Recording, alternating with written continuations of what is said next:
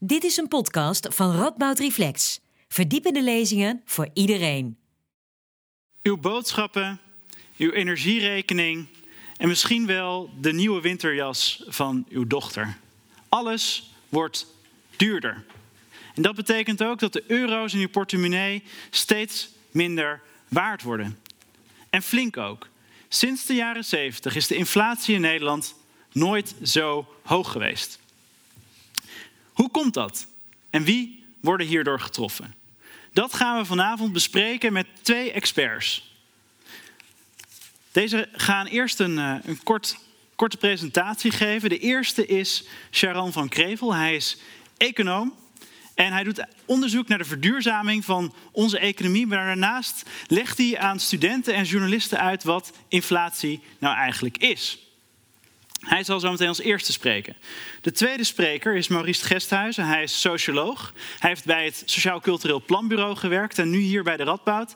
En hij doet onderzoek naar de impact van armoede op gezinnen en gemeenschappen. En daar zal, hij straks alles over vertellen. Ik ben Adriaan Duiveman, ik ben programmamaker bij Radboud Reflex. Uh, en ik praat de avond een beetje aan elkaar. Uh, eerst zijn de twee sprekers. Dan uh, zal ik de sprekers met elkaar in gesprek laten gaan en vragen stellen. En daarna is het tijd voor u en kan u al uw vragen stellen. Dus als u vragen hebt, hou ze nog even in. Daar is straks alle tijd voor. Ik wil nu de eerste spreker naar voren vragen, Sharon.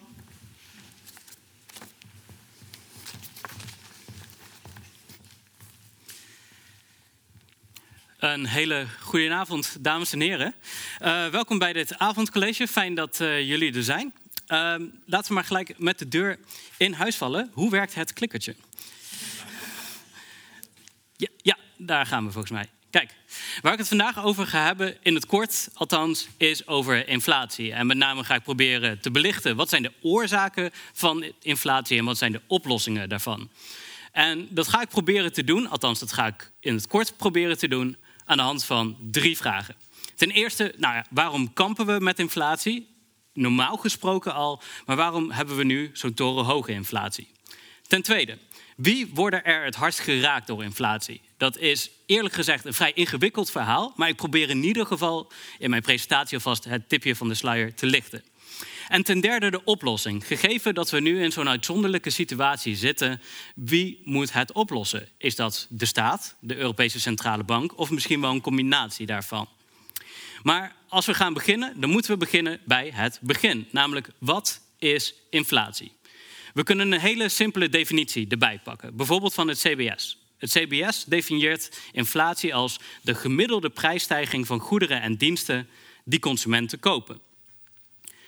Dus, nou ja, als wij dan hier naar het nieuws luisteren en we horen dat in september de inflatie 12% is, dan betekent dat eigenlijk dat de prijzen van consumptiegoederen, uh, goederen en diensten, met 12% zijn gestegen ten opzichte van september van het jaar daarvoor.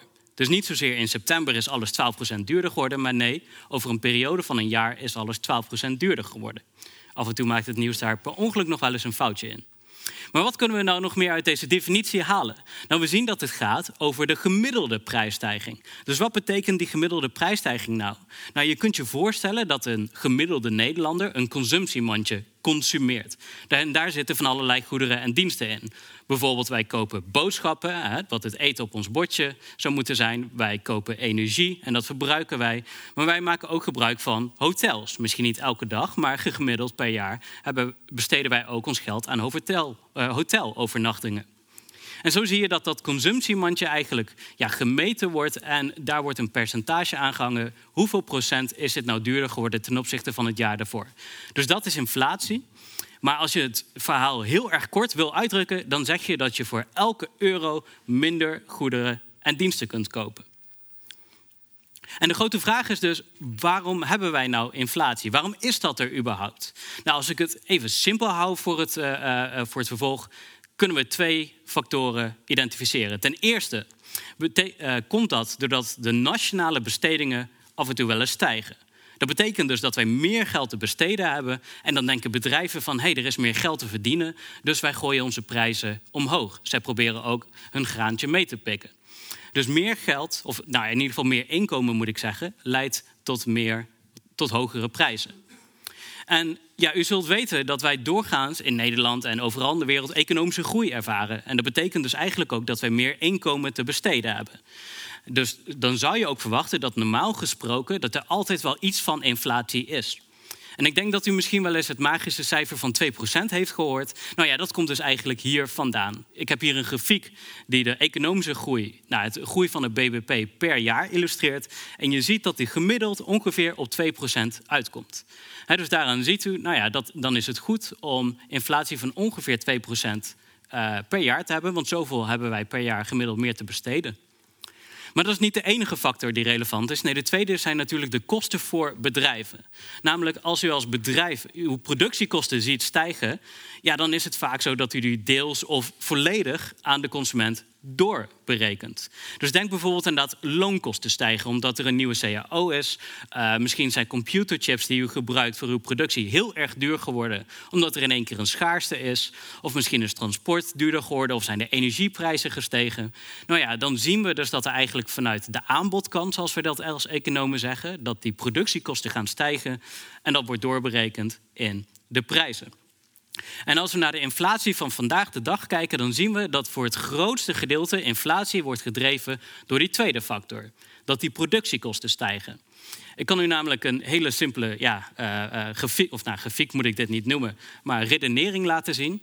Wij hebben helaas te maken met het Oekraïne-conflict, heel moeilijk woord, Oekraïne-conflict, waardoor het aanbod van aardgas in Europa een, in een ene klap een stuk kleiner is geworden. Dus we hebben een stuk minder aardgas voor wat we met evenveel mensen moeten gaan verdelen. Nou ja, dan gaan we tegen elkaar opbieden. En dat betekent dat de prijs van aardgas enorm zal stijgen.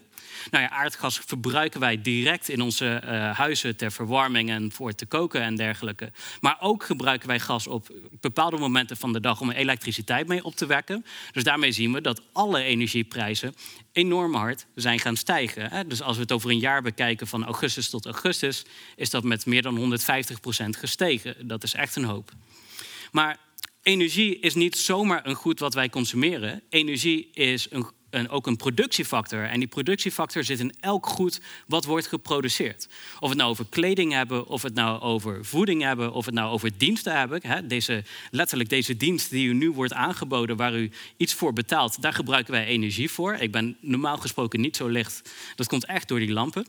En zo zien we dus ook dat eigenlijk sinds afgelopen december die stijgende energieprijzen ook zijn doorberekend in alle andere goederen die wij consumeren. Dat noemen wij wel eens kerninflatie. En dat is waar we nu vooral mee te maken hebben, dat alles duurder wordt.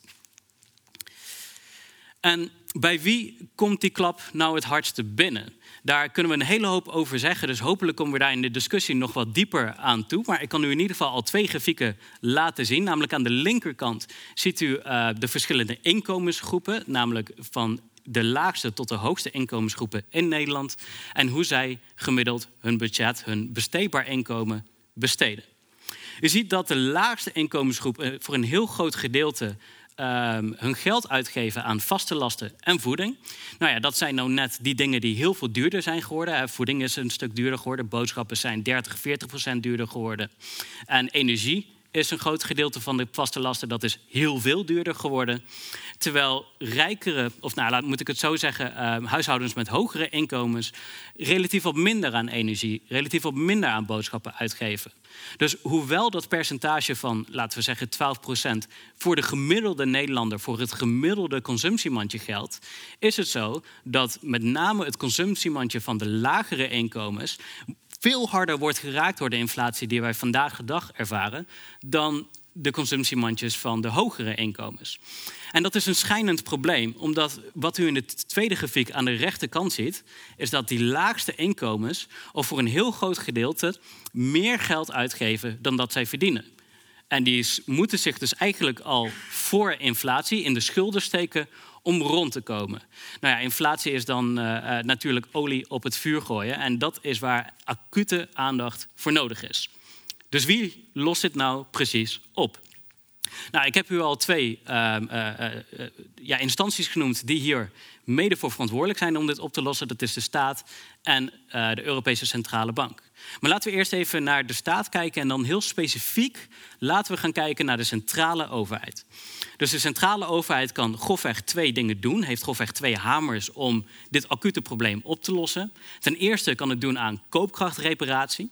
En dat betekent bijvoorbeeld inkomenssteun verlenen door het minimumloon te verhogen, door zorg- en huurtoeslag te verhogen. Misschien ook om arbeidskorting toe te passen, zodat iedereen die werkt er na belasting gewoon net iets meer aan overhoudt. Maar er zit ook een risico aan verbonden.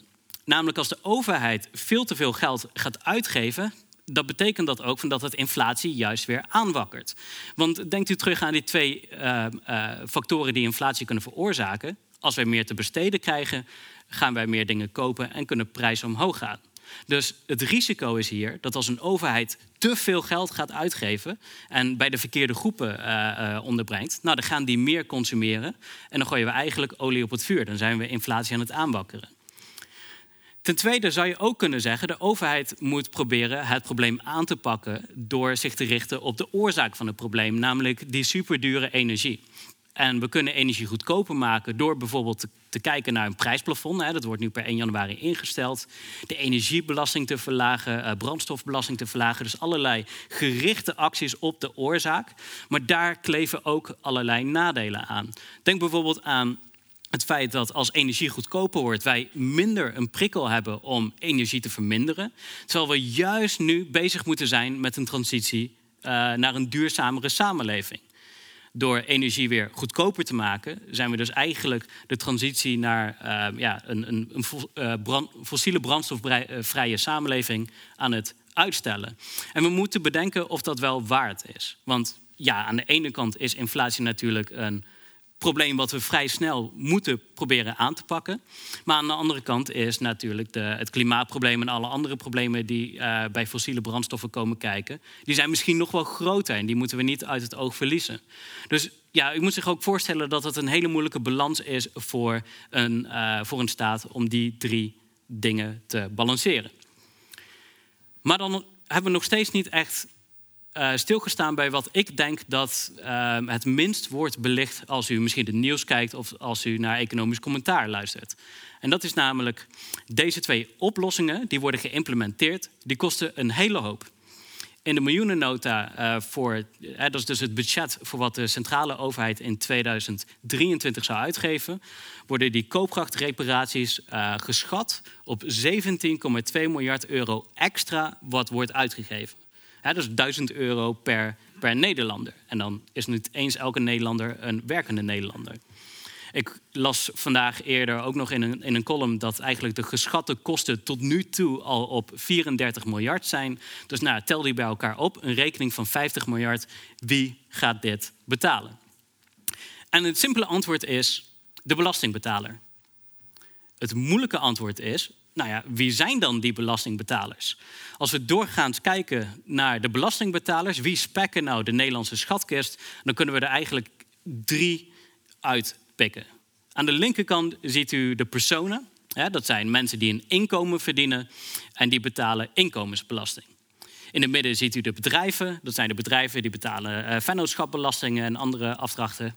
En helemaal rechts ziet u de consumptiegoederen. Dus dat is BTW wat u betaalt op alle consumptie uh, dat u koopt, maar ook bijvoorbeeld accijns op tabak, alcohol, brandstof en dergelijke. Dus als we zien dat dit de drie voornaamste bronnen zijn van overheidsinkomsten, dan zul je dus ook weten dat de rekening van inflatie die uiteindelijk betaald moet gaan worden met al die overheidssteun, bij deze drie bronnen moet komen te liggen. Maar het plaatje wat u nu achter mij ziet is uh, ja, niet heel realistisch. En dat komt namelijk omdat deze drie factoren helemaal niet in verhouding met elkaar staan in hoeveel ze bijdragen aan de Nederlandse schatkist. Het fluctueert van jaar tot jaar en als we ook buiten de Nederlandse landsgrenzen kijken, dan verschilt het weer per land. Maar doorgaans is dit een betere verhouding. We zien dat personen, of in ieder geval inkomensbelasting, uh, voor zo'n ja, 60 tot 70 procent van het inkomen van de Nederlandse staat uh, zorgt. Dus uh, twee derde ongeveer, maar duidelijk meer dan de helft. ehm, wat u als consument betaalt voor uw consumptie, dan meestal in BTW, maar ook deels in accijns, ja, dat is nog eens 30 procent. En ja, een heel klein gedeelte, uh, soms is dat slechts 7 procent, dat wordt door bedrijven betaald. En dit wordt natuurlijk allemaal over inkomen betaald. Dus u ziet dat als we op dezelfde manier de rekening van inflatie gaan betalen als dat we nu ons belastingsgeld ophalen, ja, dan komt dat uiteindelijk ook bij Jan Model, de werkende Nederlander en de consumerende Nederlander terecht, als we toch in uh, generalisme willen spreken. Dus de grote vraag is: zijn we het hiermee eens? Willen wij, kiezen wij voor deze oplossing of willen wij misschien een andere verdeling uh, uh, gaan zoeken? En dat is iets wat, waar u zelf een mening over kunt formuleren en waar we misschien in het gesprek nog over kunnen nadenken. Ten tweede is er een rol weggelegd voor de Europese Centrale Bank. De Europese Centrale Bank is eigenlijk de bank van de banken. Dat is waar banken, eh, commerciële banken zoals de ING, ABN AMRO en dergelijke, hun geld van lenen en dat weer doorlenen aan u. En wat die Europese Centrale Bank eigenlijk als doel heeft, is heel simpel: prijsstabiliteit.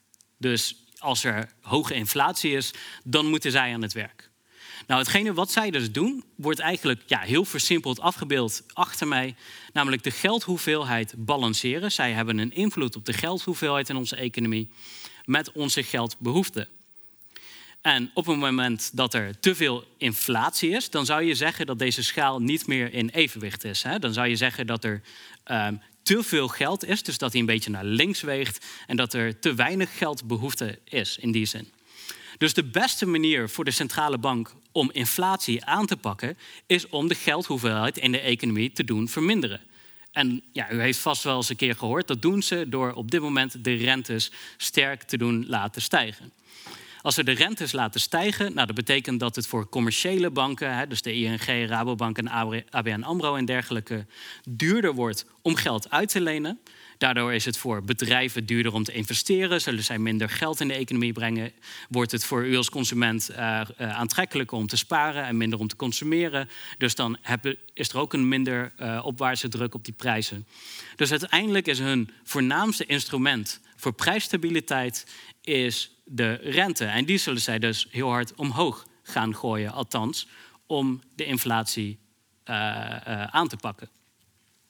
Maar de grote vraag voor mij althans is: zijn die hogere rentes zijn die wel zo wenselijk en zijn ze wel zo eerlijk? Want een hogere rente heeft een aantal gevolgen en ik heb er net al een paar van genoemd. Ten eerste, het remt economische groei. Want u heeft mij net horen zeggen, als we hogere rentes hebben, gaan bedrijven minder investeren. Nou ja, hebben we ook minder personeels nodig. Leidt dat op termijn ook tot minder werkgelegenheid en misschien zelfs wat meer werkloosheid en dergelijke. Um, dus ja, dat is een rem op de economische groei. Wij gaan ook meer sparen en mensen minder consumeren. Dus bedrijven zullen minder verkopen en daar, daar zul je ook diezelfde problemen mee creëren. En tevens zorgt het er ook voor dat lenen duurder wordt, want de, de, rente die de centrale bank vaststelt, die is vaak direct gekoppeld aan de rente die u op uw lening of uw hypotheek betaalt. Ja, en als we in tijden van inflatie hypotheken duurder gaan maken, terwijl inflatie juist betekent dat u nu al moeite heeft met het rondkomen en dat vaste lasten te zwaar worden, ja, dan is die timing natuurlijk vrij ongelukkig. Dus dat is in ieder geval een reden voor mij om ja, in, in, in ogenschouw te nemen of het wel zo wenselijk is om die rente omhoog te gooien. Misschien is het wel noodzakelijk, maar we moeten in ieder geval voor openstaan wat de gevolgen daarvan zijn. En tot slot wil ik u nog even wijzen op de vraag: is het wel zo eerlijk? Want hè, zoals ik u net al uh, vertelde, de centrale bank die is verantwoordelijk voor prijsstabiliteit. Het heeft één voornaamste instrument, namelijk rente. Maar we kijken er eigenlijk niet naar wat de gevolgen hiervan zijn in een bredere zin. Aan de rechterkant ziet u een grafiek. Dit is de groei van de AEX, dus de totale waarde van de 25 meest uh, rijke bedrijven um, van Nederland. En die groei is afgebeeld sinds 2008 tot 2021. Dus hè, sinds de vorige crisis tot net voordat wij, nou ja, eigenlijk tot in corona uh, uh, zelfs nog. En wat u ziet is dat die bedrijven, en dus de aandeelhouders van die bedrijven, hun vermogen hebben zien stijgen met bijna 100%. Dus die zijn bijna twee keer zo rijk geworden in de afgelopen uh, 12, 13 jaar. Die stijgende rentes die, ja, die rekening komt vooral bij Jan Modaal te liggen. Hè. Dat zien we in de oorzaken die in het groene blokje staan. Maar tegelijkertijd het feit dat we nu uh, bijna 12 jaar zulke extreem lage en zelfs negatieve rentes hebben gehad. Dat heeft ervoor gezorgd dat er heel veel geld um, uh, ja, eigenlijk naar dit soort bedrijven en naar dit soort activa zijn gegaan. Waardoor die AEX en andere beurzen zijn geëxplodeerd. En dat vermogenden daar dus heel veel geld aan over hebben gehouden. En dat terwijl, ja, als die rentes dan een keer moeten stijgen, dan wordt de rekening niet bij de vermogenden neergelegd, maar dan wordt de rekening neergelegd bij de mensen die een inkomen hebben. Dus wellicht is dit een goede aanleiding ook om eens een keer na te gaan denken. Is het wel zo goed dat wij onze belasting met name uit inkomen halen? En moeten we ook niet eens een keer gaan kijken of degenen die profiteren van de, uh, van de momenten dat het heel erg goed gaat met Nederland, dat zij ook een steentje bijdragen? En die vragen laat ik ook vooral aan uw eigen mening over. Hartelijk dank.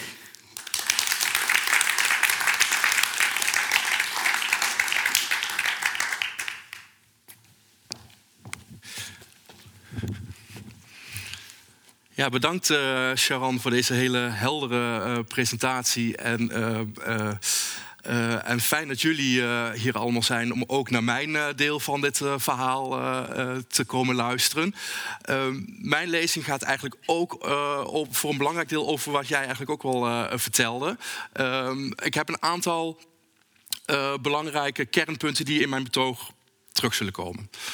Het eerste is dat ieder huishouden wordt geraakt door inflatie en, en koopkrachtverlies. En dat heeft Sharon eigenlijk al wel, ook al duidelijk verteld. Um, ik ga denk ik wat uitgebreider in op, uh, op de gevolgen uh, hiervan voor verschillende huishoudens. Hè. Dus de klappen die vallen harder bij bepaalde huishoudens. Sharon gaf al iets aan over de laagste inkomensgroepen die de meeste vaste lasten hebben en dus eigenlijk het sterkst de nadelen ondervinden van deze, noem hem even inflatiecrisis. Ik ga daar wat dieper op in. dus de hardste klappen vallen bij huishoudens die het al moeilijk hadden. Dat is mijn derde kernpunt. Uh, en ik zal ook nog ingaan uh, op de kwestie dat de maatschappelijke kosten uh, van het harder vallen van die klappen wel hoog zijn en iedereen treffen. Dus dat zal bij mij, dat zijn de, de vier kernpunten van mijn betoog. En ik wil beginnen bij een plaatje dat de Volkskrant publiceerde op 23 september 2022. Uh, en dat een vergelijking trekt uh, tussen september 2021 en september 2022. Uh, en hierin wordt eigenlijk aangegeven, aan huishoudens werd gevraagd... Welke omschrijving vindt u het beste uh, bij de huidige financiële situatie van een, uw huishouden passen? en men kon antwoorden met, nou, ik hou eigenlijk nog best wel veel geld over.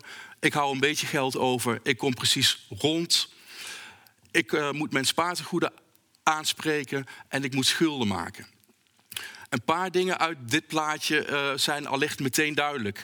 wat we zien, dat is dat in een jaar tijd uh, het percentage huishoudens dat wat geld overhoudt, is gedaald van ongeveer 62% naar ongeveer de helft van de huishoudens. En daartegenover staat dat het aantal huishoudens dat ofwel uh, spaartegoeden moet aanspreken, ofwel schulden moet maken, bijna is verdubbeld van een 12% naar een 23 procent.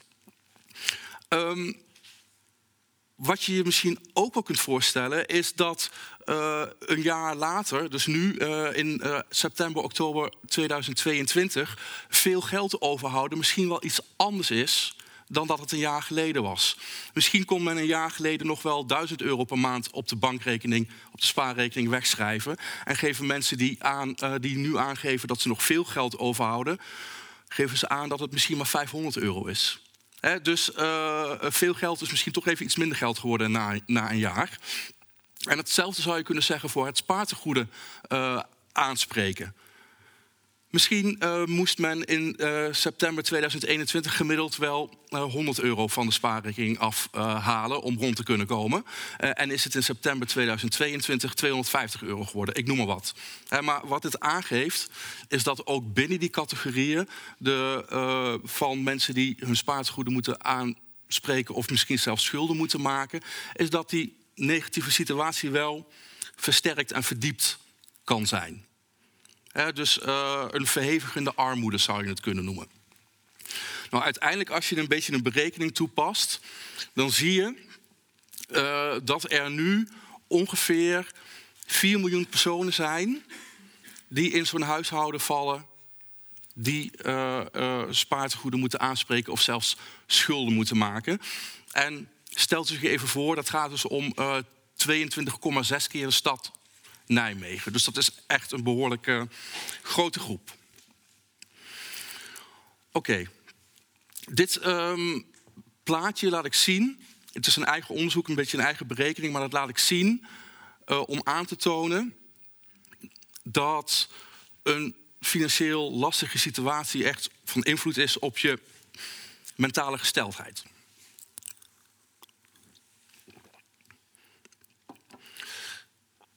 Als je kijkt naar uh, het plaatje linksboven, uh, gaat over huishoudens die uh, aangaven in 2018 moeilijk te kunnen rondkomen.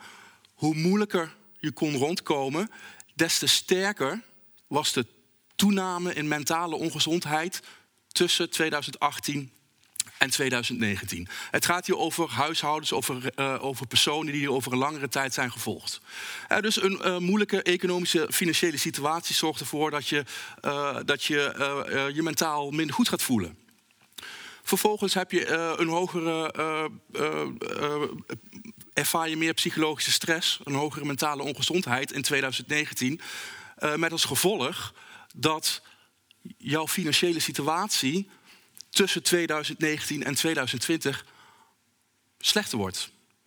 dus de mate van hoe jij jou mentaal voelt, is van invloed op jou, op een, kan jouw financiële situatie verslechteren. Omdat je uh, misschien uh, minder makkelijk een baan vindt, omdat uh, je geen, geen mentale ruimte hebt om even met werk bezig te zijn. Allerlei redenen, maar het kan dus van invloed zijn op, op, op jouw financiële situatie. Nou, dit zegt eigenlijk hetzelfde. Hoe slechter je mentale gezondheid, hoe, hoe groter de financiële stress wordt in de loop van de tijd. En die hoogte van die financiële stress die zorgt voor een toename eh, in mentale ongezondheid. Kernpunten zijn dus, door een geldtekort neemt chronische stress, mentale problematiek neemt toe. En door chronische stress, mentale problematiek, verdiept armoede zich. Dus het is eigenlijk een, noem het maar, een negatieve armoede, mentale ongezondheidsspiraal. Oké. Dan kom ik bij de vraag, ja, waar vallen dan die klappen eigenlijk het hardst? Nou, jullie voelen hem al aankomen. Uh, door, die, uh, door die negatieve spiraal die ik zojuist uitlegde... Uh, zullen de consequenties het hevigst zijn bij de groepen... die het financieel moeilijkst hebben en het hardst achteruit gaan dus wat betekent dat misschien voor eh, de mensen die in september 2022 nog wel wat geld overhielden, veel geld overhielden, maar wat misschien wel wat minder was dan in september 2021? Nou, die kunnen misschien wat, vaak, wat minder vaak op een luxe vakantie. Uh, die gaan misschien wat minder vaak uit eten, kunnen misschien uh, hun huishoudelijke hulp maar eens in de twee weken laten komen. Het zijn maar hypothesen, maar dit zouden de concessies zijn die zij mogelijk zouden moeten doen. Mensen die uh, nog een beetje geld overhouden. die moeten misschien wat, uh, wat uh, wensen, wat toekomstdromen, wat langer uitstellen. Die moeten misschien wat langer sparen als voorbeeld om die caravan te kunnen kopen. Misschien is dit wel de groep die hun, hun, hun thermostaat op 19 graden moet gaan zetten. Um, ik denk dat bij deze groep misschien al de eerste stress een beetje komt, komt binnencijpelen. Hè? Dus de vraag van oké, ik kan nou nog een beetje overhouden, maar die crisis die duurt, duurt voort. Hoe ziet mijn situatie er over een jaar uit? Nou, de, de derde groep, hè, de mensen die, uh, die rondkomt, ja, daar, daar, kunt u zich misschien wel bij voorstellen dat, uh, dat de consequenties al wat heviger worden. Misschien moeten ze wel uh, clublidmaatschappen beëindigen en neemt hun sociale participatie af. Kunnen hun kinderen niet meer naar voetbal, uh, omdat ze anders, als ze die clublidmaatschap wel zouden aanhouden, uh, ze geld tekort zouden komen. Hè. Dus dat zouden keuzes kunnen zijn die ze moeten maken. En misschien is de stress hier wel veel groter. Hè. Wat, uh, wat betekent het voor mijn kinderen? Waar sta ik over twee jaar? Hou ik dan nog geld over of moet ik dan ook mijn spaarrekening gaan aanboren? Nou, de laatste groepen, de groepen die uh, hun spaartegoeden moeten opnemen, ofwel al uh, schulden maken, daar zijn de consequenties het hevigst. Uh, realiseer je dat deze groepen, dat dus de groep van mensen die hun spaartegoeden moeten aanspreken, dat die voorheen misschien net rond konden komen, of die al langer in een tekortsituatie zitten. dus die zijn al meer onderhevig aan structurele, persistente stress de keuzes die zij misschien moeten maken zijn... Uh, misschien kan ik wel vrienden niet meer uitnodigen om te komen eten, want ik kan dat niet betalen. Uh, misschien ga ik wel niet meer naar verjaardagen of niet meer naar de kroeg en kan ik geen rondje meer betalen. Dat, soort, dat, soort, uh, dat soort zaken. Waardoor de buffer van mensen opraakt, want ze moeten hun spaartegoeden aan, aanspreken. en sociale netwerken brokkelen mogelijk af. Dus de, ook de, noem het maar even de sociale buffer die mensen hebben en die hen instrumenteel kunnen helpen, maar ook um, uh, emotioneel kunnen steunen. Die buffer, die brokkelt af, die valt weg. Nou, het is misschien een beetje een doemscenario, maar uh, ik, uh, ik, ik, noem het toch maar even. Wat gebeurt er dan bij die groepen die al langere tijd schulden moeten maken en, en bij wie die, die, die, financiële stress dus eigenlijk al langer speelt? En misschien uh, komen er wel echt serieuze mentale pro uh, problematiek om de hoek kijken. Echte eenzaamheid, verslaving, uh, een slechtere fysieke gezondheid, omdat er niet meer gesport kan worden, men niet meer gezond kan eten. Nou ja, noem het maar op. Stress leidt tot minder goed functioneren op het werk, dat kan althans, dus misschien verlies je je baan wel. Uh, misschien zijpelt die stress wel zo door in jouw gezinsleven dat het moeilijk is om uh, uh, je kinderen goed op te voeden en om de relatie met je partner te onderhouden.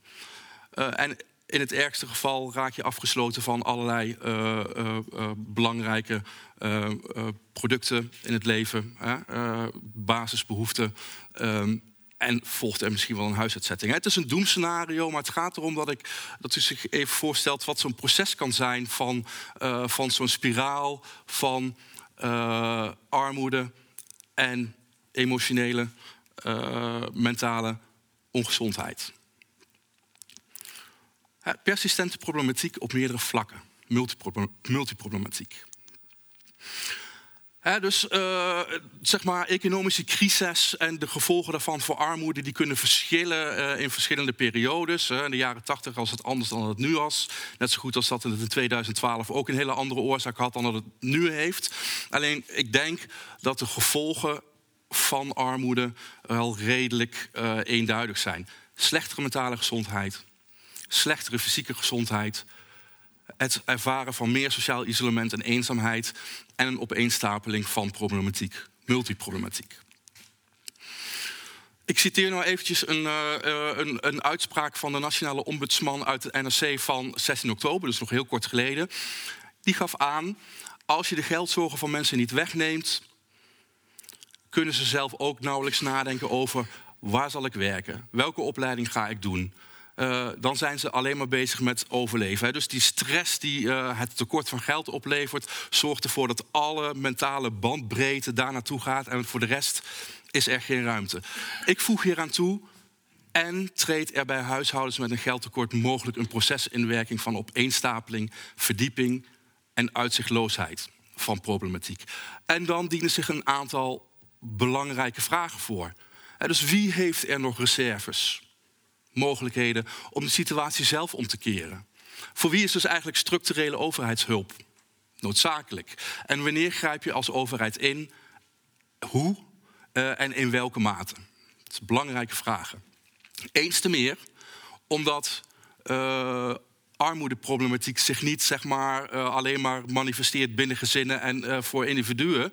Nee, die gezinnen en individuen die wonen geconcentreerd binnen bepaalde buurten, waar zeg maar de, uh, de, de negatieve gevolgen van armoede uh, zeg maar persoonsoverstijgend worden en waar dus de, de invloed van de buurt en van de omgeving ook een rol gaat spelen. Dus er ontstaat door die concentratie van armoede een lagere mate van sociale samenhang. Uh, meer criminaliteit, meer onveiligheidsgevoelens, uh, een hogere mate van ongezondheid, bovenop de individuele ongezondheid door armoede. Uh, je kunt allerlei negatieve maatschappelijke consequenties aanwijzen als gevolg van de concentratie van armoede. Um, nou, ik wil eigenlijk mijn, mijn lezing afsluiten met dat dus eigenlijk het bezuinigen op, uh, op, op, op overheids uh, steun, of uh, dus, uh, op dat wat de verzorgingsstaat ons eigenlijk biedt, hè, dus uitkeringen, maar ook gezondheidszorg, ter voorkoming van armoede en ter voorkoming van de negatieve gevolgen van de armoede, dat dat grote maatschappelijke kosten met zich mee kan brengen. Het, Roland van Geuns heeft in 2011 met collega's in, het, in de publicatie Klantprofielen in de schuldhulpverlening berekend dat iedere euro bezuiniging op bijvoorbeeld schuldhulpverlening uh, eh, 2 euro maatschappelijke kosten met zich meebrengt. En het gaat dan om kosten als de kosten van een huisuitzetting, de kosten van het moeten gebruik maken van geestelijke gezondheidszorg. Uh, dat waren de dingen die mee waren genomen, maar nog niet eens uh, kosten voor een hogere mate van onveiligheid in de samenleving, waardoor er misschien meer blauw op straat moet. Uh, de kosten van de toenemende kosten in de gezondheidszorg. Meer aanspraak op jeugdzorg. Dus uh, die maatschappelijke kosten, daar wordt meestal niet over nagedacht. Die worden niet meegenomen. Maar die zijn zeker van belang om daar ook over na te denken. Als we nou niet iets doen aan deze crisis. en misschien ook niet op een iets wat structurelere manier. wat betekent dat dan voor die andere instituties van de overheid de kosten die eraan moeten worden besteed. Hè? Dat kan misschien wel een, een, niet, een, goede afweging zijn. Oké. Ik sluit af. Dus maatschappelijke kosten zijn hoog en raken iedereen. Zulke bezuinigingen, hè, waar ik dus zojuist over had, en welke versoberingen van in onze verzorgingsstaat en ook, ook treffen niet alleen huishoudens en individuen die de zorg van de staat hard nodig hebben om weer op kracht te kunnen komen. Via uh, de schadelijke effecten van diepgaande armoede treffen ze de maatschappij in al haar gelederen. Ook de mensen die in mooie buurten wonen, de mensen die hun achtertuin kunnen laten onderhouden, de mensen die in september 2022 veel geld overhielden en de mensen die dat in september 2023 nog steeds doen. Zij ondervinden daar ook de nadelen van. En daarom is het ook in ieders belang om deze schadelijke effecten van diepgaande armoede te verminderen en te voorkomen.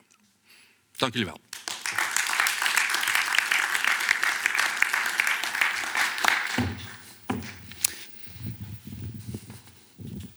Bedankt voor jullie uh, mooie, of nou mooie niet, maar ook wel verontrustende verhalen. Uh, als we hier uh, plaatsnemen. Er zijn uh, grote uitdagingen op dit moment met inflatie. Maar ik denk dat we dit gesprek. Ik wil dit gesprek graag beginnen een paar decennia geleden, in de jaren 80. Toen waren er ook grote, was er ook een grote inflatie. Sharon, wat is het verschil tussen nu en de jaren 80? Is er een verschil? Ja, het is duidelijk dat de gelijkenissen vrij groot zijn. Op dat moment was het ook dat doordat er een externe factor, namelijk het, eh, de, de OPEC-landen die olie heel erg duur maakten, um, en dat zijpelt zich op zo'nzelfde manier als dat ik u eerder heb laten zien, ook helemaal door in alle prijzen. Ja, er zijn dus een hele hoop gelijkenissen. Ik denk dat het grote verschil toen was dat we toen institutioneel in Nederland nog hadden georganiseerd dat lonen en prijzen aan elkaar gekoppeld waren. Dus dat stond eigenlijk in de cao's, die uh, heel veel beroepen uh, hadden. Dus bijvoorbeeld uh, dat er nu 12% loonstijging automatisch zou worden doorgevoerd voor een hele groot, heel groot aantal sectoren.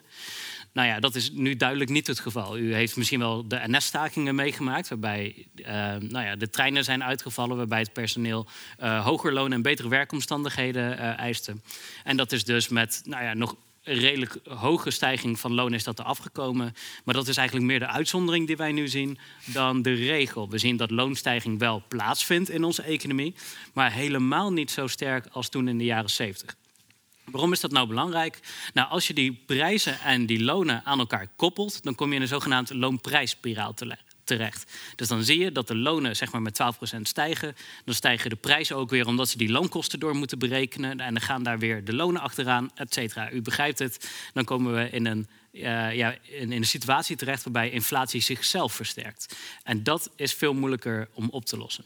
Ehm, en, daarnaast had je ook nog dat de centrale bank in die tijd eigenlijk niet de rente verhoogde, maar de rente uh, verlaagde. Dus die gooide ook nog eens, ehm, ja, het is geen woordgrap, maar olie op het vuur. Maar zijn dan de bedrijven die, uh, zijn de bedrijven die, die dus nu niet de lonen verhogen, zijn die dan eigenlijk niet heel goed bezig? Want ze voorkomen dat er meer inflatie komt. Het ligt aan wie u het vraagt of ze goed bezig zijn. Um, nou ja, er zijn natuurlijk wel echt bedrijven die ook serieuze problemen hebben. Omdat die energiekosten, dat zijn ook productiekosten voor hen. En zij kunnen ook niet zomaar um, hun prijzen oneindig omhoog gooien, omdat ze daardoor misschien hun klanten verliezen. Dus als die bedrijven in één keer ook nog met stijgende lonen te maken krijgen, ja, dan wordt dat voor hen wordt dat heel erg lastig. Aan de andere kant, wat we ook zien, is dat uh, ja, eigenlijk bedrijven nog nooit zo winstgevend zijn geweest als nu. Dat is natuurlijk wel een beetje een opmerkelijke constatering. Dat we zeggen er is inflatie doordat uh, productiekosten stijgen, met name energiekosten. En daardoor stijgen de winsten. Dat zou eigenlijk economisch niet moeten kloppen. En ik denk dat dat komt, en ik, ik, zeg ik denk omdat ik dat natuurlijk niet zeker weet, dat dat komt omdat sommige bedrijven heel erg profiteren en daardoor die, die winstmarges omhoog krikken, terwijl andere bedrijven er juist onder lijden. Dus het kan bijvoorbeeld goed zijn dat de uh, lokale bakker echt moeite mee heeft om rond te komen en misschien over een paar maanden wel moet sluiten.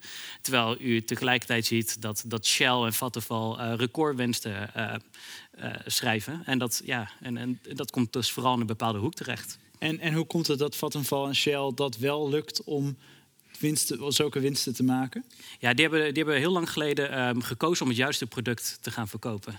Daar komt het eigenlijk op neer. Ik uh, hoor het mezelf inderdaad. Ja, ik snap het. Um, Oké. Okay. Dat waren, we zijn teruggegaan naar de jaren 80 eerst. Uh, de jaren 80 was er, was er ook armoede. Uh, de, de statistieken die we net zagen, die u toonde, uh, lieten een verschil zien tussen vorig jaar en dit jaar. Um, als we verder teruggaan in de tijd, de afgelopen decennia, is er dan een ontwikkeling te zien in de armoede in Nederland? Is armoede toegenomen? Is armoede afgenomen? Ik denk dat grosso modo is, uh, is armoede wel afgenomen. Ja, ik, uh, ik, denk dat de armoedepercentages die zijn, uh, die zijn structureel hoger als de economisch minder uh, goed gaat. Dus in, uh, tijdens economische recessies zie je, zie je armoedepercentages toenemen. Dus het fluctueert met, met de economie. Maar ik denk als je over, ehm, over de periode van 1980 tot, tot nu ongeveer kijkt, dat je wel een dalende lijn er doorheen kunt trekken. Ja. En zijn er welke factoren zijn het belangrijkste in die toename van, van, van armoede bij die het aantal armen vergroot. Wat zijn de, de vraag is, wat zijn de belangrijkste oorzaken voor, uh, voor armoede op uh, huishoudniveau? Uh, uh, nou, op huishoudniveau is toch um, mensen die in, een bijstandsuitkering hebben, die hebben de grootste kans om, of lopen het hoogste risico op, op armoede. eenoudergezinnen, mensen met immigratie achtergrond. Dus eigenlijk uh, zou je kunnen zeggen dat toch een, uh, uh, een, een, verminderde verbinding of een grotere afstand tot de arbeidsmarkt. Dat dat de grootste risico's met zich meebrengt om arm te zijn. Hoewel, ehm, dus daar, waar je het hebt over eenoudergezinnen en over, mm. over mensen met een bijstandsuitkering, bijvoorbeeld. wil niet zeggen dat er geen armoede bestaat onder werkenden. Ja. Want als we het over armoede hebben, ehm, waar hebben we het dan over? Wat, wat is arm? Daar zijn uh, heel wat uh, definities uh, van. ik zag vandaag toevallig een, een um, even een, een, stukje nog in de, in de, in de Volkskrant... waarin de, zeg maar de officiële CBS armoedegrens wordt gehanteerd. En dat is eigenlijk een inkomensniveau dat een huishouden nodig heeft om aan bepaalde basale levensbehoeften te kunnen voorzien. Uh, en dat is dus eigenlijk een objectief hoogte van inkomen. En val je daar als huishouden onder, dan, uh, dan word je als arm uh, gedefinieerd. Maar er zijn ook veel meer subjectievere armoedegrenzen of definities. Hè, zoals wat ik hier als voorbeeld in, in mijn praatje heb gehouden. Dat is veel meer vraag het aan huishoudens. Van kunt u rondkomen en kun je niet rondkomen, dan heb je op zijn minst een geldtekort. Ehm, er zijn ook allerlei metingen in, uh, in veel sociologische uh, studies die, uh, die, die bijvoorbeeld vragen stellen als van moet u geld lenen om, om in uw dagelijks levensbehoeften te kunnen voorzien? heeft u aanmaningen gehad van bedrijven? Ehm, dat soort vragen. En die dan eigenlijk meer een vorm van economische deprivatie meten. Dus er zijn heel veel manieren om het te meten. Mm -hmm. en dan kun je een hele grote lange discussie over houden of wat beter is en wat minder goed. En heeft het ook, uh, want bij de, bij de eerste is een hele duidelijke, objectieve uh, grens, namelijk onder een bepaald bedrag ben je arm. De laatste dingen die u noemt zijn symptomen van armoede. Maar tussenin noemde u dat die factor van uh, vragen aan mensen: kan u rondkomen? Daar zit toch, dat gaat ook over levensstandaard, wat wij verwachten dat normaal is. Um, is dat ook een aspect? Zijn we dingen, zijn we misschien verwender geworden?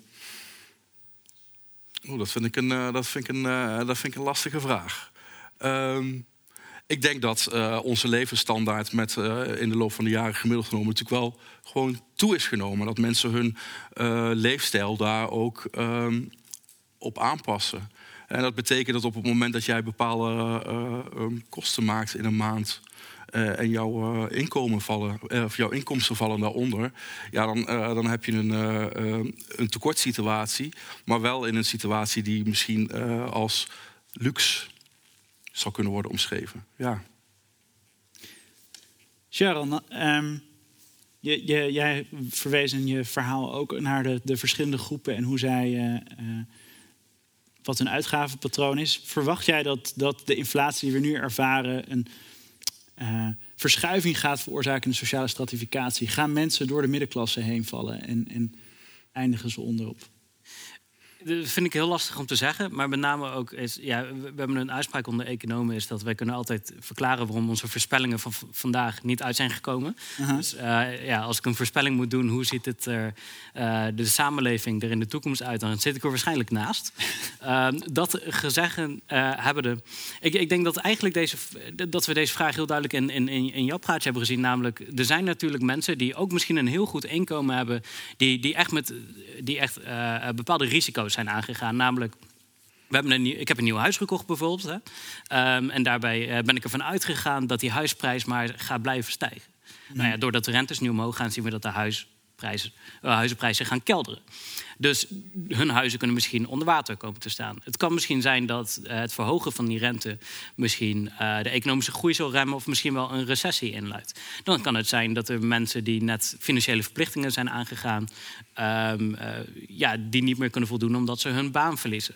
Dus ja, het kan best wel wat zijn dat mensen die heel erg, of die mensen die financiële risico's hebben genomen, echte pineut zijn, omdat ze, nou ja, een soort domino-effect zal plaatsvinden. Ze verliezen een huis of moeten dat onder water verkopen.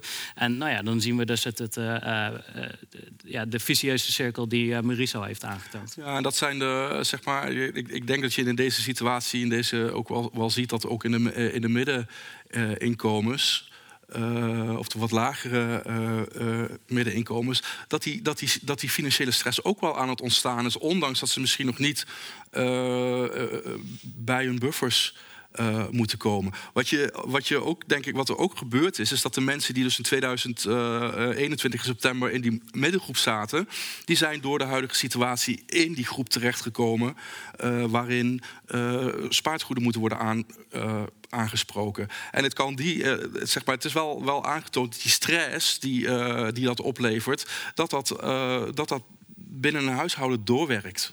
En, en dan, dan, neemt het risico toe op baanverlies of op een echtscheiding. En dan wordt de situatie een stuk lastiger. En hoe lang zou deze, zouden deze groepen, die meest middenklasse groepen, dit nog langer vol kunnen houden? zijn er, is er iets van data over hoe, hoe, hoeveel er in die spaartegoeden zit? Um... Dat moet ik eerlijk zeggen, dat weet ik niet. Ja, dat, dat durf, ik niet, durf ik niet uit mijn hoofd te zeggen. Um, ik denk dat ja, zo'n middengroep. Ik, ik denk dat je pas echt uit die middengroep verdwijnt als, als je uh, je vaste stroom van inkomen uh, verliest. Uh, of misschien zulke grote torenhoge schulden aangaat dat die stroom van inkomen niet zoveel meer waard is. Mm. Dus ik denk dat het vooral um, af zal gaan hangen van hoe, wat de impact is van inflatie op het functioneren van de economie in zijn geheel zelf. Mm -hmm. Is die bakker die, die met die stijgende energiekosten zit, ehm, is die volgend jaar nog wel bakker? Of moet hij misschien een baan accepteren met een veel lager loon? Ehm, als jij werkt bij een bedrijf wat failliet gaat, kan je daarna nog wel ergens terecht waarbij je dezelfde, uh, dezelfde hoeveelheid inkomen hebt. En ik denk dat dat soort factoren, die, ja, daar durf ik echt geen uitspraak of voorspelling over te doen, maar die zijn denk ik wel het belangrijkste hier. En, ik, en zover ik het weet, zijn ook economen er ook niet eensgezind over eens of inflatie nou tot economische uh, krimp leidt noodzakelijk of niet. Of onder welke voorwaarden dat wel niet gebeurt. Want wat is hier de, hierin de, voor, voor de leek uh, die misschien de laatste economie heeft gekregen op de middelbare school? Uh, hoe werkt dit? Waar, waar, waar zit de discussie in? Uh, hoe bedoel je dat? Uh, waar, waarom is er discussie onder deze economen of dus een inflatie uit noodzakelijkerwijs tot recessie leidt of niet? Nou ja, je, je, kan het, je kunt het bijvoorbeeld zien doordat uh, nou ja, je zou verwachten dat inflatie tot een recessie leidt, omdat nou ja, als wij met ons huidige besteedbare inkomen minder zullen kunnen uitgeven. Hè, want dat, we kunnen feitelijk minder goederen en diensten kopen. Dan zou je eigenlijk een één op één relatie erin verwachten. Maar tegelijkertijd zien we natuurlijk ook um, dat uh, inflatie hoeft niet heel lang te duren. Het kan ook een relatief korte periode zijn, zoals nou een jaar is een relatief korte periode. Mm -hmm. Als in de tussentijd jouw besteedbaar inkomen wordt ja, gerepareerd of gecompenseerd aan de hand van overheidsmaatregelen, ja, dan kan het zijn dat er misschien een, een net nul effect is. Dus ja, dat, dat ligt er denk ik vooral heel erg aan de, aan de context waar inflatie in zit en hoe lang het duurt. Over het overheid ingrijpen gaan we het uh, straks nog, nog hebben. Ik uh, wil toch nog even terug naar de, naar de armoede. Um, in een van, uh, van jouw artikelen, Maurice, heb ik uh, gelezen dat, dat, er, dat een van de problemen waar armen mee geconfronteerd worden, en dat zat nog niet echt in de presentatie, maar dat volgens mij een, een, iets wat je daar uh, beschreef was, dat zij ook gestigmatiseerd worden. Dat ze het gevoel hebben dat om, hun omgeving hen de schuld geeft van hun situatie. Nu zijn de, is de situatie zo duidelijk extern zijn er zoveel externe factoren die we net al hebben gehoord, waar deze mensen mee geconfronteerd worden. Zou dit misschien dat stigma kunnen verkleinen? Dat mensen meer begrip krijgen voor armen en hun situatie? Ik denk dat dat wel zou, ja, ik denk dat dat wel zou kunnen gebeuren. Ik hoop het. Uh, ik hoop dat, uh, uh, dat er meer bewustwording ontstaat over dat een heleboel, heleboel arme mensen in arme situaties er helemaal niet voor hebben gekozen uh, uh, om daar, daarin te zitten. En dat je, als je ze, ze zou vragen, dat ze er ook graag uit zouden uh, willen komen. dus, maar daar, daar, sta, daar staat tegenover dat ze, dat ze zeg maar. Hè, dat, dat haal je ook wel uit, uit allerlei, vooral kwalitatieve onderzoeken. Is dat ze ook bij overheidsinstanties eigenlijk. ja worden gestigmatiseerd, uh, uh, een stempel meekrijgen, het gevoel hebben uh, dat ze een last zijn. en, en, en, en, dan, en, en dat is bij overheidsbedrijven, maar dat, dat, dat ervaren ze in de, in de, in de maatschappij ook. Um, maar ja, in veel gevallen, ik bedoel, ik, ik, ik ik hoop dat, dat de bewustwording toeneemt. Dat, dat, heel vaak, dat het gewoon niet terecht is, vaak voor mijn gevoel. Dat het niet terecht is dat zij, dat zij arm dat zij, dat zij gestigmatiseerd worden. Ja, hè, en dat, uh, dat er is nou ook steeds bij onderzoek uh, uh, is dat het wel willen, maar het niet kunnen. Dat er dat, dat, dat de, de mogelijkheden ontbreken om uit een, een situatie te komen. En dat kan met allerlei dingen te maken hebben. complexe regelgeving, niet goed weten waar je moet zijn om zaken op te lossen, zelf het overzicht niet kunnen krijgen over je uh, je, uh, je inkomsten en, uh, en uitgavenbalans, dat soort zaken.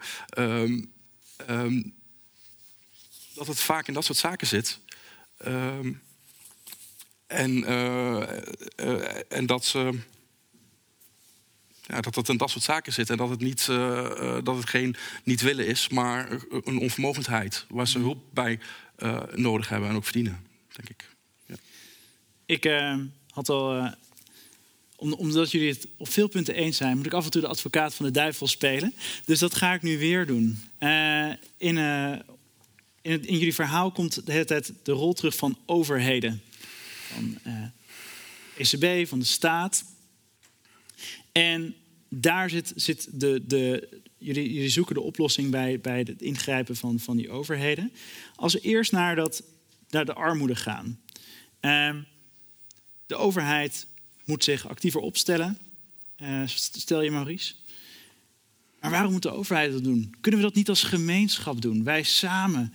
Uh, moeten niet weer de verenigingen, de vakbonden, de kerken... moeten zich niet over deze mensen bekommeren? Ik denk eerlijk gezegd dat dat, uh, dat, dat, dat, dat niet genoeg is. Ik denk dat je, dat je eerst voor een belangrijk deel de, de, de, de, de, de stressgevolgen van een financieel lastige situatie moet weghalen, uh, willen mensen überhaupt in staat zijn om maar weer na te denken uh, en, en, de ruimte te voelen uh, om zich te begeven in het, in, in, het, sociale leven. Um, en Um, ik denk dat daar, uh, dat daar een, een, een, wel een, basale, um, uh, een bazaal vangnet uh, voor nodig is dat hoger is dan, dan nu. En ik denk zelfs dat op het moment dat, dat de overheid dat meer gaat dat daar toch meer in gaat investeren. En, en in plaats van de uitholling en de verzobering die er eigenlijk de afgelopen twee decennia zijn geweest, weer, de verzorgingsstaat weer wat, meer wordt opgebouwd. Dat zelfs de kerken en de, en de buurtgemeenschappen meer gaan floreren dus uh, ik denk dat het wel eens andersom zou kunnen zijn. Dat op het moment dat je door overheidssteun de, de ruimte schept voor mensen om ook weer meer in het sociaal leven deel te nemen, is dat daar de, de, de kracht van gemeenschappen weer gaat toenemen. Je hebt het in je artikel ook over het crowding in effect en crowding out effect. Kun je dat, kun je daar, kun je dat toelichten? Hoe werkt dat? Nou, dat is eigenlijk een beetje wat ik, uh, wat ik hè, dus crowding in effect, dat is eigenlijk een beetje het belangrijkste. Dat geeft aan dat uh, op het moment dat jij als, als overheid investeert in uh, in, in, in, de sociale participatie van, uh, uh, van, van inwoners. En zeker dat stimuleert onder mensen die, die de financiële hulpbronnen missen om dat zelfstandig te kunnen doen. Is dan, dan creëer je als overheid ontmoetingsplekken. Je creëert um, een sociale samenhang waarin mensen elkaar gaan vinden. En dan, dan, wordt, dan, zeg maar, dan worden gemeenschappen hechter. Um, en bovendien straal je als overheid eigenlijk ook een soort van norm uit. Van wij helpen onze burgers graag. wij vinden gemeenschapszin. Uh, belangrijk. Kijk, wij investeren hierin. En dan, uh, dan langzaam maar zeker denk ik ook dat er dan een norm in de samenleving ontstaat. Uh, dat je, dat je iedereen erbij betrekt en dat je, en dat je meer gemeenschapszin krijgt. En dat is het crowding-in effect van de overheid. en dat staat eigenlijk tegenover een andere veronderstelde invloed die eigenlijk nauwelijks gevonden wordt. Is dat als je je door als overheid gaat inmengen in allerlei sociale relaties in de samenleving, is dat je de noodzaak van mensen weghaalt om met elkaar om te gaan. En dat mensen dus eilandjes in een bepaalde natie worden. Nou, dat is wel duidelijk, dat is niet het geval. Het is eerder andersom. Als je als overheid investeert in, in, in de sociale samenhang van de samenleving, dan gaan mensen ook meer naar elkaar toe trekken. Dus de overheid moet helpen om, om de gemeenschapszin te creëren. Ik ga het toch nog een keer proberen als advocaat van de duivel, Sharon. Um, ook in jouw verhaal gaat het over die overheid. Maar ja, uh, vraag creëert inflatie, grote vraag. Um, ja, zijn wij gewoon niet. Um, moeten wij niet gewoon allemaal wat minder spulletjes kopen? Ik denk dat er heel veel goede redenen zijn dat we allemaal minder spulletjes moeten kopen. Uh, ik denk dat inflatie niet zozeer de eerste is. Um, kijk, inflatie is natuurlijk um, heel erg voor sommige mensen, omdat het uh, bijna onbetaalbaar maakt om aan basisbehoeften te voorzien. Nou ja, je moet niet tegen iemand gaan zeggen die in de kou zit: uh, zet de verwarming nog maar iets, lager. Of nou ja, um, skip het ontbijt maar. Nee, dat zijn eigenlijk basisbehoeftes die iedereen zou moeten hebben in Nederland. Althans, ik, ik denk dat het niet een hele verregaande mening is. Aan de andere kant kun je natuurlijk ook wel uh, de vraag stellen: nou ja, inflatie zorgt ook voor de mensen die nou ja, 1000 euro in de maand overhouden, misschien 500 euro overhouden dat zij eens een keer moeten nadenken: moeten wij wel op skivakantie gaan? Of uh, als wij uh, ergens naartoe reizen, moet het dan per se met dit vliegtuig heel ver weg? Of kunnen we misschien ook een auto pakken? Hè? Dan hebben we het nog steeds over. Recreatie. En dan hebben we het eigenlijk over nou, redelijke luxe consumptie. Nou, om die te verminderen, ja, misschien is dat ook maar een, concept wat wij als maatschappij moeten leren te accepteren. En ik zeg moeten leren te accepteren, omdat ik denk dat nou ja, we staan aan de, nou ik wil niet zeggen de vooravond, maar eigenlijk uh, we zijn nu bezig met een transitie naar een maatschappij waarbij we duurzamer moeten consumeren.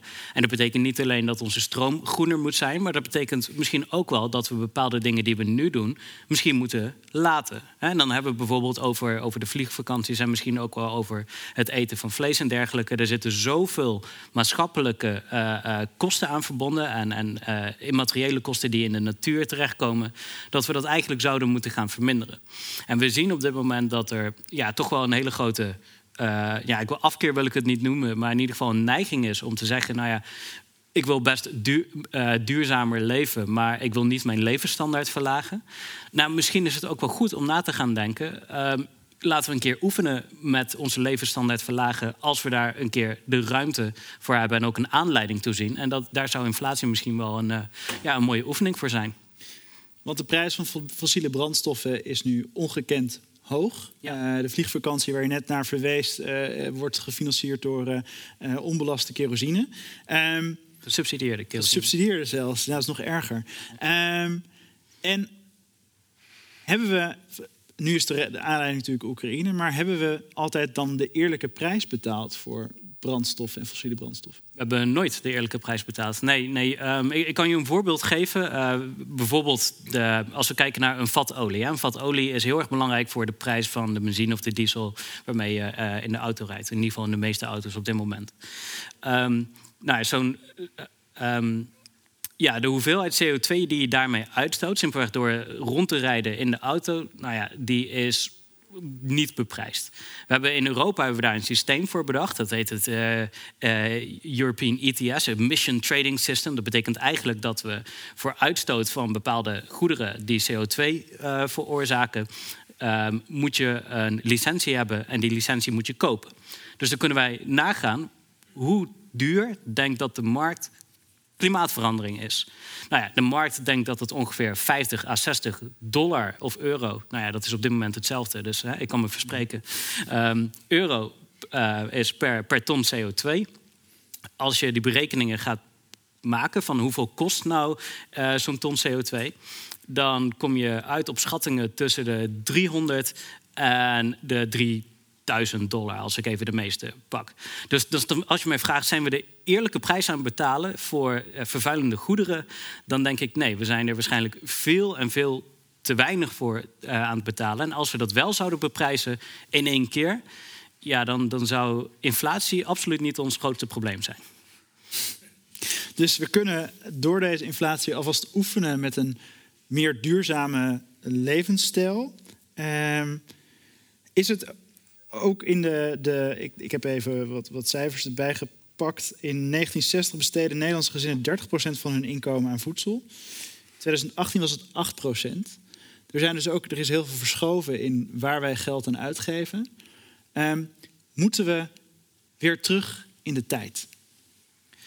Ik denk als we tijdmachines hadden, zouden we een hele hoop problemen op kunnen lossen. Maar um, nou, het, ligt er natuurlijk een beetje aan. Er zijn een aantal van dit soort um, uh, dingen die wij vroeger deden, die misschien nu weer uh, toegepast zouden moeten worden. En dan, zou je kunnen denken aan lokaal produceren. Dus stel, je koopt hier een, een bakje met aardbeienyoghurt. Nou, dan kan het heel goed zijn dat die aardbeien wel uit Nederland komen... maar dat het uh, pakje yoghurt uiteindelijk... Dat de, um, de zuivel uit Amerika komt en dat is verpakt in Argentinië. Nou ja, dat hadden we ook best wel hier zelf kunnen doen. Maar als we die ja, al dat transport niet eerlijk beprijzen, ja, dan hebben we toch zulke grote globale handelsnetwerken dat ja, eigenlijk dit soort uh, uh, problemen veroorzaakt. Dus misschien is het ook wel beter om na te gaan denken over, nou ja, kunnen wij op een wat kleinere schaal, zeg maar op een Europese schaal, uh, misschien onze voedselvoorziening eh, ehm, eh, regelen. En kan, is het misschien ook wel ehm, eh, verstandig om te kijken of wij voor heel duur ehm, in december mango's uit de andere kant van het jaar of aan de andere kant van de wereld moeten halen. Nou zeg ik niet, daar moeten we helemaal mee stoppen, want we weten allemaal mango's, mango's zijn heel erg lekker.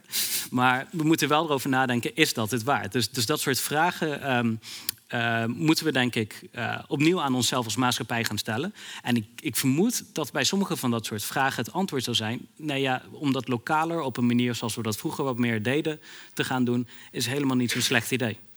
Maar is het lokaal verbouwen van dit soort dingen niet ook veel duurder uiteindelijk voor dat, dat is, dan wordt het onvermijdelijk ook duurder. Uh, hoe lossen we dit probleem op?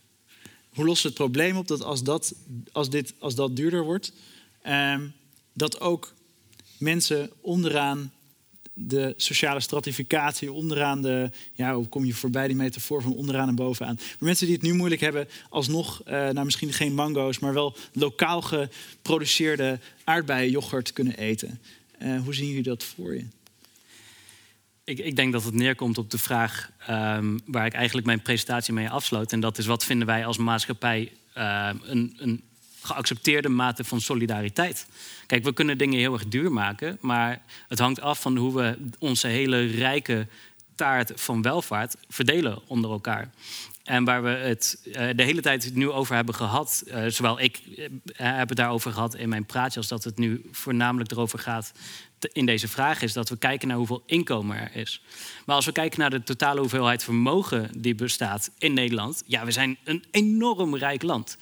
Maar ja, ongeveer 10% van de mensen heeft veel meer dan de helft van dat vermogen. En dat vermogen is uiteindelijk het belangrijkste voor onze consumptiemogelijkheden.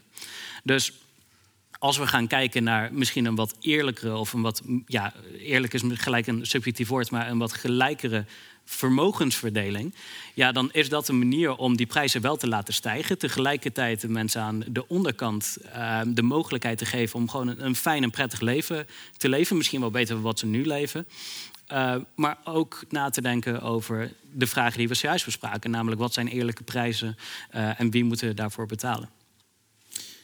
Maurice, ik hoor hier, we zitten eigenlijk niet, als ik het samenvat, we hebben geen inflatieprobleem, we hebben een nivelleringsprobleem.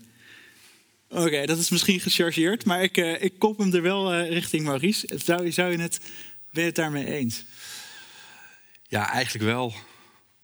Uh, ja, ik, ik bedoel, er, er, is in, in, qua vermogens, er, er, er, is zoveel.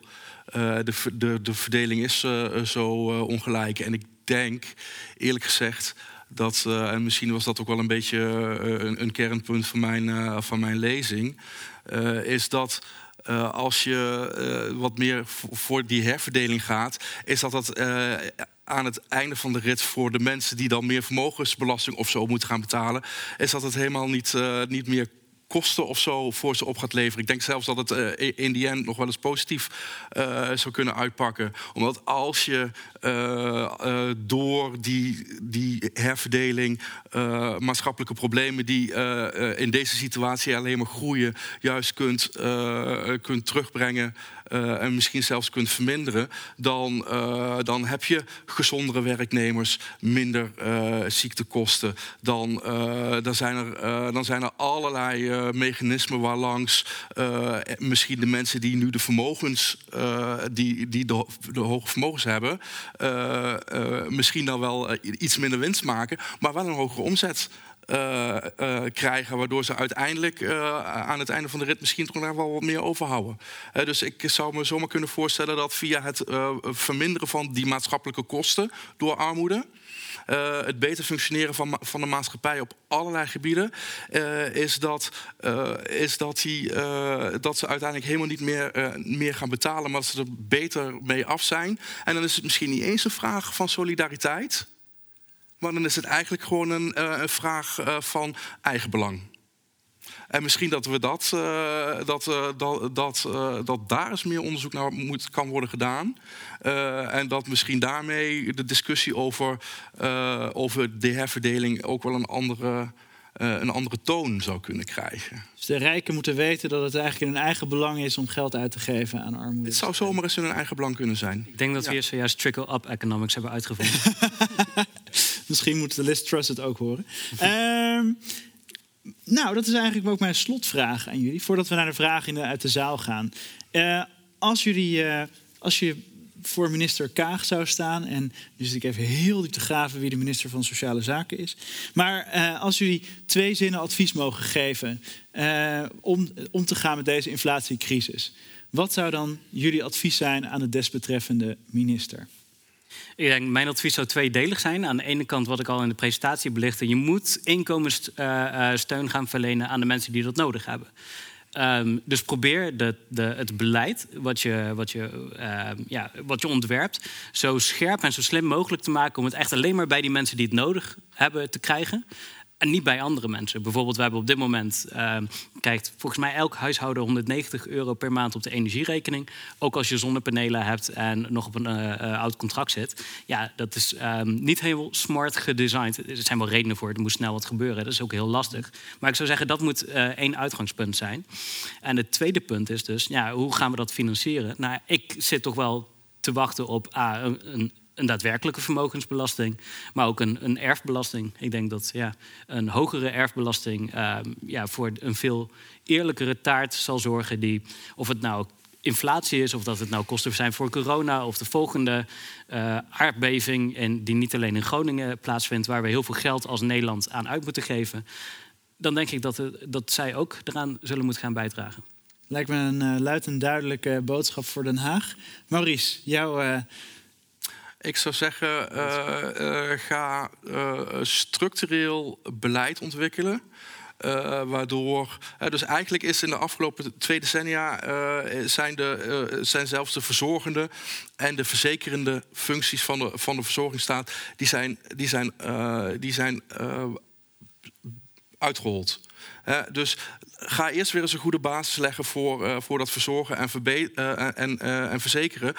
Want heb je die basis, dan ben je als verzorgingsstaat ook weer in staat om mensen te gaan verheffen en te gaan verbinden. en dat, dus dan, dan, dan geef je de mensen de ruimte om zichzelf te ontwikkelen als persoon.